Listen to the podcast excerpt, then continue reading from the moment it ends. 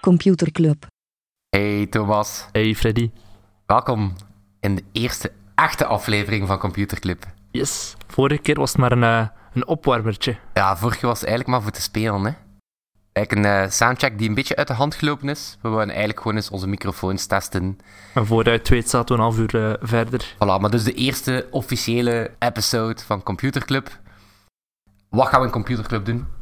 Wekelijks overlopen we de tech-actualiteit. Delen we interessante weetjes en artikelen met elkaar. Alright, super. Nu, vorige week hebben we ook iets behoorlijk belangrijks vergeten in ons experiment. En dat is eigenlijk Onszelf voorstellen. onszelf voorstellen. Als je daar toch enig idee hebt wie dat die twee mysterieuze mannen zijn. Zal ik jou voorstellen moment- anders? Ja, Oké. eh, oeh, ja. Frederik, Freddy voor de vrienden, is strateeg bij In The Pocket. Hij schrijft daarnaast ook columns voor de VRT Nieuws. Ehm, hij draagt graag Hawaii-hemdjes en zijn hilarische fotocollages eh, van hem te vinden online. Oeh, oké. Smolly. Thomas Smolly Smolders is een van mijn meest gewaardeerde collega's hier bij In The Pocket. We werken allebei bij In The Pocket. Voilà, kijk. Superveel quality time, elke dag opnieuw. Hij is hier onze eigen schrijver. Ik vind dat immens cool dat wij een eigen schrijver in de, in de house hebben om eh, fantastische eh, whitepapers en stukken voor ons te gaan, eh, te gaan doen. In een verleden voor Blendel gewerkt, als journalist voor de tijd. De mens heeft ook een boek geschreven. Ik bedoel, hoe zot is dat? Hij evangeliseert ook over digitaliteit bij een, bij een publiek van oudere dames en heren. Boek maar ik ben zeker dat hij het voor de dames doet. En is ook een van de vier mensen die nog Pokémon Go speelt. Ja, dat vat het zo wel samen in mijn leven. Voilà, voilà, voilà. Freddy, ik heb gehoord dat je weer fantastische artikelen hebt gelezen deze week. Ja, het, mijn artikel gaat over de nieuwe robot van MIT, Mhm. de Cheetah 3. En wat maakt de Cheetah 3 zo speciaal, Thomas? Ik heb er geen idee van. Hij is blind. Het is een blinde robot. Het is een eh, blinde robot.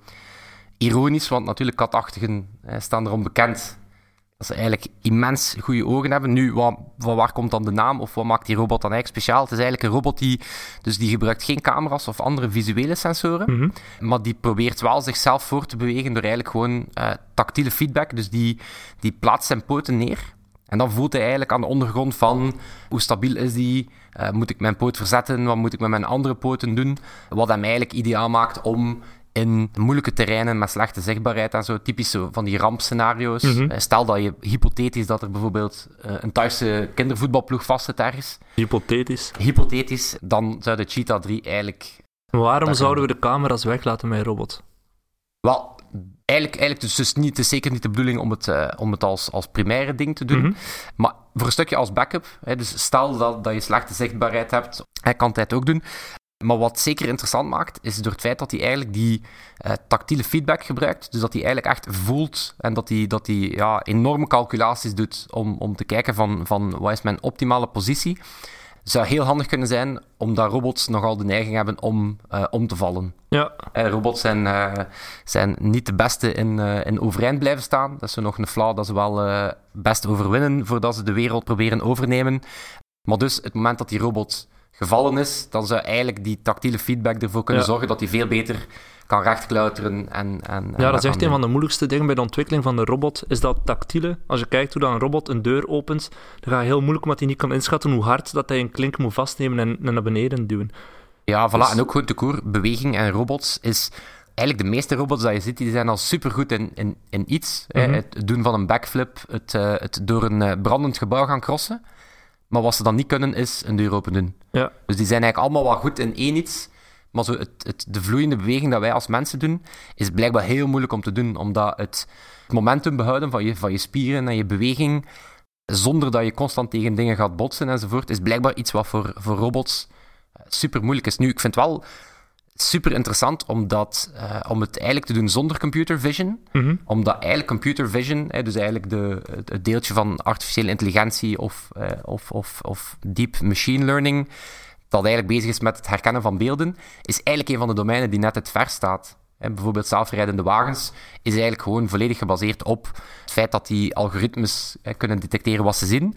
Dus ik vind het op zich wel een bouwde, een bouwde piste om eens gewoon te zeggen, kijk, we doen het volledig zonder die ja. Eh, en wie was dat die het ontwikkeld heeft? eh, MIT. Dat zijn mensen bij Ja. MIT. Nu, wat ik hier wel problematisch vind, is dat eigenlijk mijn volledige defensiestrategie tegen robots hiermee onmogelijk wordt. Omdat mijn plan was eigenlijk om mijn vuile smartphonevingers, Mhm. om die eigenlijk gewoon over de camera's van die robot te trekken. Dat mijn- rond je huis te... Ja, dus eigenlijk net zoals dat ik erin slaag om, om, om het scherm van mijn telefoon altijd extreem vuil te krijgen, was eigenlijk mijn plan om datzelfde te doen met, met die helm van die robot. Maar dat gaat dus niet meer... eh, Heb je die aflevering van Black Mirror gezien? Die robothond? Ah, die is super creepy. Die is echt een van de engste dingen dat ik ooit dat is gezien die van het laatste seizoen van Ja. die robot die eigenlijk gewoon echt als... Het is van die waakhondrobots die gewoon blijven jagen op de persoon. In dit geval iemand die iets zou stelen uit een eh, opslagplaats. Robot waakhonden die die persoon zijn blijven volgen totdat ze echt vermoord werd. En Ja. het is helemaal gefilmd in zwart-wit. Als je hem nog niet gezien hebt, Nu, de, absoluut aanrader. de, de Cheetah 3...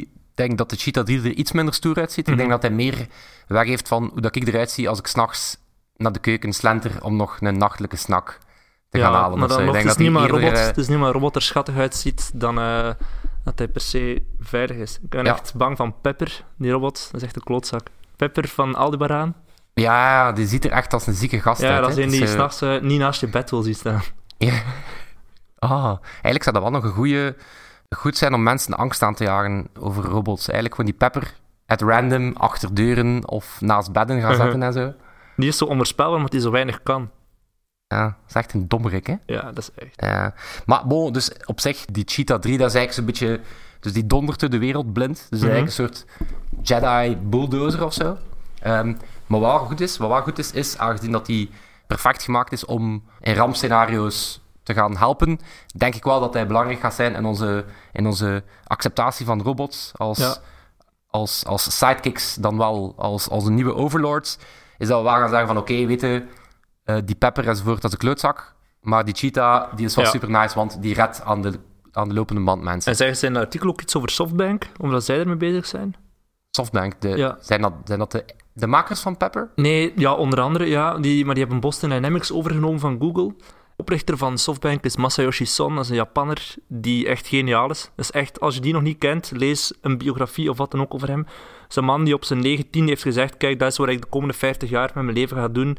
En die heeft dat ook allemaal verwezenlijkt. Die heeft Yahoo eh, Japan op een bepaald moment opgekocht, dan in Alibaba geïnvesteerd, super rijk mee geworden. En hij heeft in 2010 gezegd, de komende 30 jaar hij is nu 60, ga ik hier mijn leven aan besteden. Heeft hij onder andere in Uber geïnvesteerd, keihard ingezet op artificiële intelligentie en robotica. Dus heeft Boston Dynamics teruggekocht van eh, Google. Die heeft een project opgezet, het Vision Fund, samen met een paar rijke Saudi-Arabische oliesheiks, eh, waarin hij 100 miljard wil investeren in de technologie van de toekomst. Maar dat is wel echt... Het is ook een man die heel specifieke tijdsambities maakt. Ja, ja maar Ik plan echt meestal geen drie tot vijf uur op voorhand, Nee, nee, maar die man doet dat eigenlijk 30 tot 50 jaar. letterlijk twee eeuwen vooruit in de toekomst denken. Nice. Ah, dus de... Ah ja, dus dat is dan het verhaal dat er zo wat ehm, paniekerig gedaan werd van oei, de Chinezen hebben Boston Dynamics. Ja, het is een. Japaner, maar inderdaad. Ja. Dus, eh, Dat zou misschien ook wel nog kunnen, dat, eh, dat het wegnemen van die computer vision voor die robots. mhm.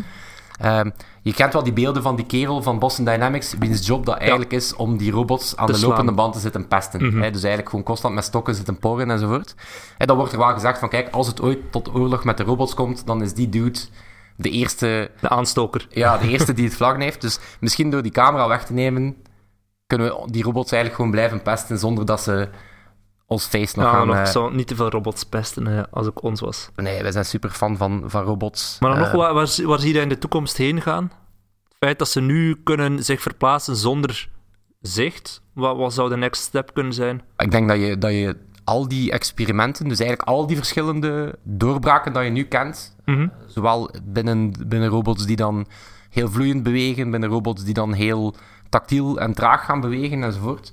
Ik denk dat die elk op een domein enorme doorbraken aan het doen zijn. En dat dat dan gewoon tot een soort Uber-robot gaat, eh, Ja. gaat komen, waarbij dat eigenlijk heel veel van die dingen gaan samenkomen. Eh, en dan krijgen we geen van die idiote scenario's van een robot die mensen redt uit een, eh, uit een instortend gebouw, maar die dan wel zich te pletter loopt tegen de deur bij het buitengaan. Mhm. Dus ik denk dat dat dan wel, ja, dat dan, dat dan de science fiction beelden van, van de robots, zoals dat we die eigenlijk dan daar zien, dat die Ja. dan wel een pak dichter is. Nu, in tegenstelling tot wat de luisteraars gaan denken, twee, twee weken op rij robots. Ik ben nu ook niet de grootste eh, robot, eh robot van. Ik vind het ook soms een beetje stom dat eigenlijk alle beeldspraak over AI en artificiële intelligentie, dat dat dan zo vaak vermeld wordt als de robots in de Mhm. toekomst enzovoort, omdat die twee staan los van elkaar. Het ene is intelligentie en het andere is ja, de mechanische schil eh, om, het in, om, het, om het in onder te brengen, in, in sommige gevallen. Maar ik vond, ik vond op zich wel een, eh, Tof ja, een vond tof een, nieuwtje. vond een, een coole nieuwe piste. Ja. Thomas, Yes. het artikel 1 is gepasseerd. Ik heb eh, een weetje. Ja, wacht, wacht, wacht, wacht, wacht, wacht, wacht. Computerklas. Inderdaad, computerklas. Onze wekelijks, het wekelijks moment waarin dat we eigenlijk gewoon ongegeneerd eh, bijleren van elkaar. Ik heb vorige week een immens interessant weetje gebracht over het hart als, als nieuwe paswoord. En omdat ik natuurlijk geen twee weken op rij eh, ja, die eer wil gaan opstrijken, geef ik Thomas ook de kans om ook met iets aan tafel te komen. En dat is Thomas. Freddy, wat is het grootste of een van de grootste exportproducten van Mozambique? Ik heb geen enkel idee. Nee, het is, het is Ik kan, er zelf, ik kan er ook zelf niks humoristisch Nee. bedenken. Heroïne. 800 miljoen euro of dollar per jaar wordt er met heroïne verdiend. En wat dat heel interessant is, wat ik deze week las op Quartz, is dat die eh gedisrupt Dus, wordt. De, markt, de heroïnemarkt in Mozambique wordt gedisrupt door WhatsApp. Zouden daar ook... Oeh. Ja. Ik was net aan het denken, gedisrupt. Ik zie dat een leger aan eh, dure consultants binnenstappen eh, op de heroïneboerderij of zo. Nee. Nee, Dus- absoluut niet. Nee, vroeger was de, de heroïnemarkt in Mozambique in handen van een aantal rijke families, zoals, zoals het dan gaat, zoals in, bij narcos en zo, eh, de, de clans die alles in handen hebben. Maar nu is, eh, dankzij WhatsApp, is de deeleconomie, of de deal-economie, hahaha, Ah. is ehm, Mozambique uitgerold. Nee, wat dat ze nu doen, de, er komt heel veel traffic van, vanuit Afghanistan en Pakistan naar Mozambique, die dan zo opnieuw de westerse markt, de heroïne, de, de westerse markt op verspreidt. En dat wordt steeds meer en meer met freelancers gedaan. In plaats van dat dat via grote schepen en, en vrachtwagens vervoerd wordt, gebruiken freelancers WhatsApp om naar elkaar te sturen van kijk, er moet zoveel gram of kilogram naar daar gebracht worden. Dit is de foto van de persoon aan wie je moet bezorgen. En dat is de locatie waar hij moet zijn. Maar dat is echt wel super functioneel. Dat is echt zoals dat wij Deliveroo hebben, hebben ze daar Deliveroo, maar dan met Liever- heroïne. Die Thomas, je zit echt op dreven. is echt Heb je fantastisch. dit voorbereid, eerlijk? Nee, absoluut niet. Oké. Oké, nee, maar super functioneel. Ik, eh, WhatsApp is bij mij... eh, ik heb het gevoel dat heel de wereld WhatsApp functioneel gebruikt en dat ik gewoon vastzit in een super actief gesprek met mijn voetbalploeg. Ja, ook er- Telegram niet? Of gebruik je helemaal niet? Goh, ik heb dat, maar daar zit dan één of twee personen op, dus dat is dan ook niet meteen de, de, de tool of choice. Nee, maar dat is, dat is op zich wel slim. Dat is op zich wel slim. Ja, dus er, zit, er zit nog echt, zeker als je kijkt naar het Chinese WeChat, dat is gewoon WhatsApp on steroids of eh, Telegram maal drie, vlak van wat je daarmee kan van functioneren dingen. Daarmee kan je de dokterafspraken regelen, kan je mee je belasting betalen, fiets huren enzovoort. Daarmee is eh, WhatsApp en eh, Telegram bij ons echt peanuts. Ja, daar, maar daar, daar halen eh, Messenger enzovoort ook de mosterd. Hè. Voor, Mhm. voor het model waar, waarbij dat we effectief via chat massa's dingen gaan doen, is eigenlijk gewoon grotendeels het WeChat-model eh, proberen kopiëren. Ja. Hè. Maar dat is misschien voor een, voor een aparte aflevering. dat dat, dat dat, is een special op zichzelf. Maar ik las wel deze week dat er eh, wel wat meer protest komt van de Chinezen zelf. Mhm. Die hebben nu behalve middenklasse ook protest. Dat is ook iets nieuws. Tegen ja, hoe, hoe dominant dat die tool is en het feit dat de overheid eigenlijk wel eh, vrij kan meekijken. Dus daar hebben ze niet die encryptie. hè. De overheid mag daar eigenlijk alles gaan meenemen. Eh, en er kwam wat meer protest op. En er stond in, in het artikel, er is één Chinees die niet meer op WeChat zit. Ik vond dat grappig. Echt zo. Dan denk ik, ja, één op het miljard doet er niet meer aan mee. De, daar gaat volgens mij iets fout qua cijfer. Dat is echt maar één, effectief één persoon. eh, Maar dus dat vandaag leert, vandaag leert de volgende keer dat ik mijn hero shot wil, mhm. is één de kans super groot dat het van die heerlijke Mozambique brown, brown sugar is. Echt de beste stuff. En dan ga ik gewoon op WhatsApp Ja, en dan stuur ik een berichtje naar mijn eh er- Mozambicaan. idee. Ik vind het wel grappig dat we, want we hebben, het, we hebben het net over de overheid en de overheid die zich met technologie gaat moeien. Mijn, eh, mijn artikel deze week las ik deze week op maandag op de standaard en dan dinsdag heeft het ook in de morgen gestaan, want zo gaat dat meestal met de, de Vlaamse media, die kopiëren gewoon elkaar. Ehm, Alle punten trouwens voor uw conversational segue dat je net gedaan hebt. Ja, zo Zeer wordt. Gewoon een brugje gemaakt van het een naar het ander. Ehm, mijn artikel had de, ti- de titel De Blok gaat de strijd met Dr. Google aan. Het gaat over Maggie de Blok, die terecht inzit met het feit dat te veel Vlamingen, 9 op 10 Vlamingen blijkbaar, eh, online op zoek gaat naar medische informatie. En die daarom een platform heeft gelanceerd. Het platform heet, ik ga het er even bij halen, mijngezondheid.belgië.be. Ga die ook eens... Ja. Het klinkt, trouwens, het klinkt trouwens als een soort scène uit een, uit een vechtspel of zo. The Block versus Dr. Dr. Google. Google. Met soort super Dr. Evil, maar dan... Ik heb, Ja. ik heb de site hier openstaan. Jij ook? Ook? Ja, ja. oké. Ah, ik zie al, ik zie ten eerste superveel gezonde mensen die heel enthousiast naar elkaar aan het lachen zijn. Mhm. Probeer ik erin te loggen anders. Ik zal ondertussen vertellen wat dat de website precies doet. Het is een eh, website waarop dat je medisch dossier zal staan. Er onder andere een samenvatting van de gegevens die uw huisarts zal bijhouden. Thomas, En- ik ben hier net in de eh, krochten van het internet aan het afdalen. Uh-huh. Ik probeer aan te melden en ik ben duidelijk op een scherm uit eh 96 Ja, terechtgekomen. dat is mijn Is punt. dat- dat, is dat dat het punt? punt dat ik probeer te maken, maar probeer maar verder in te loggen. Onder andere ook dus de verslagen van opnames en onderzoeken in het ziekenhuis. En het platform staat sinds mei. In, in het artikel van de morgen las ik dan weer dat er al 100.000 Belgen eh, hebben ingelogd. Geen idee wie die 100.000 mensen zijn, want ik zie Frederik proberen in te loggen. Maar het is absoluut niet, niet makkelijk. Pas op, ik heb al mijn geheim wapen, It's Me. Mhm. Eh, na het doen van mijn belastingen, dat eigenlijk bijzonder vlot ging dit jaar. Mede door het inloggen via It's Me. Mede door het feit dat ze gewoon zeggen van kijk, dit zijn eigenlijk de enige vier veldjes die jij ook invult. eh, dus misschien moet je het dit jaar ook gewoon terug doen. Ja. Ging zeer vlot. En ik kan hier effectief inloggen bij de online overheid. Klinkt, klinkt leuk, de online overheid. Klinkt als een contradictio in terminis. Bevestigen nu even met mijn gezicht bevestigen dat ik wel degelijk ben wie ik ben. En ik ben binnen. Ik wil me aanmelden als burger. Ja. Ja, Ik, also, ik heb ook geen andere opties, dus burger, hè, ja. ik ga, ik ga burger zijn. Nee, dat bij koning Philippe er staat koning. Zou dat? Ik hoop het. Ik wil wel die feature request wel zien. Moest ik wil wel zien dat er inderdaad in luisteren? de requirements van Ja. al die platformen staat van kijk, en dan is er ook nog Koning, dit ene scenario indien gebruiker is... eh, burger of koning. Moest koning Philippe luisteren, ehm, altijd welkom ziet te laten weten hoe uw interface eruit ziet. Ja, hoe ziet dat eruit bij u? Hoe ziet dat eruit? Ja, ik ben nu... Ik krijg eigenlijk een lege pagina nu. Ik hoop dat... Ja, ik ga proberen Freddy zijn gezicht nu te beschrijven, maar dat is een gezicht dat... De uitdrukking is wanhoop. En- Oeh, nu, nu, nu zit ik op een, nu zit ik op een eh, site. Ik weet niet of dat ik nog ingelogd ben.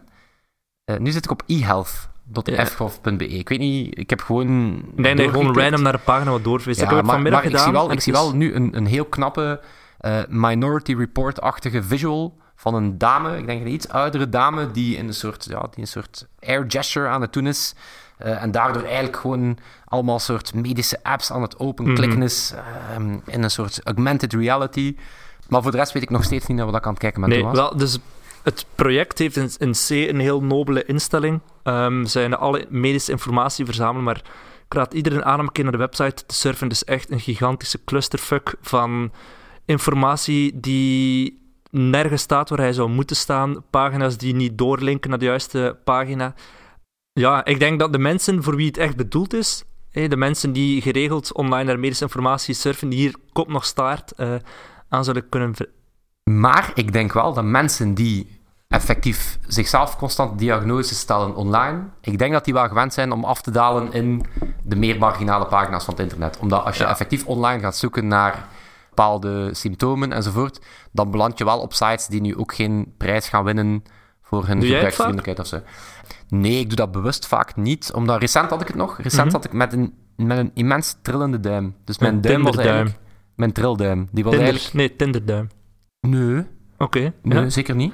Maar dus mijn Tinder-trilduim. Dus ja, ik zeg, oei, bizar, dit hoort mijn duim niet te doen. Dus ik zeg, oké, ik ga het gewoon eens opzoeken. En het ging letterlijk van, oké, weet je, het is een, een lichte verrekking van je duim. eh, En het gaat morgen over zijn tot, het is jong Parkinson. Ja, duim Eh, afhakken. Ja, voilà, voilà, Mhm. voilà. Dus, dus om maar te zeggen dat het ligt altijd, het ligt altijd super, super ver uiteen. Ja, ik doe het wel vaak. Doe het? N- Voor mezelf heb ik het eigenlijk nooit gedaan. Omdat ik meestal, als ik zelf ziek ben, denk van het zal morgen wel weer over zijn.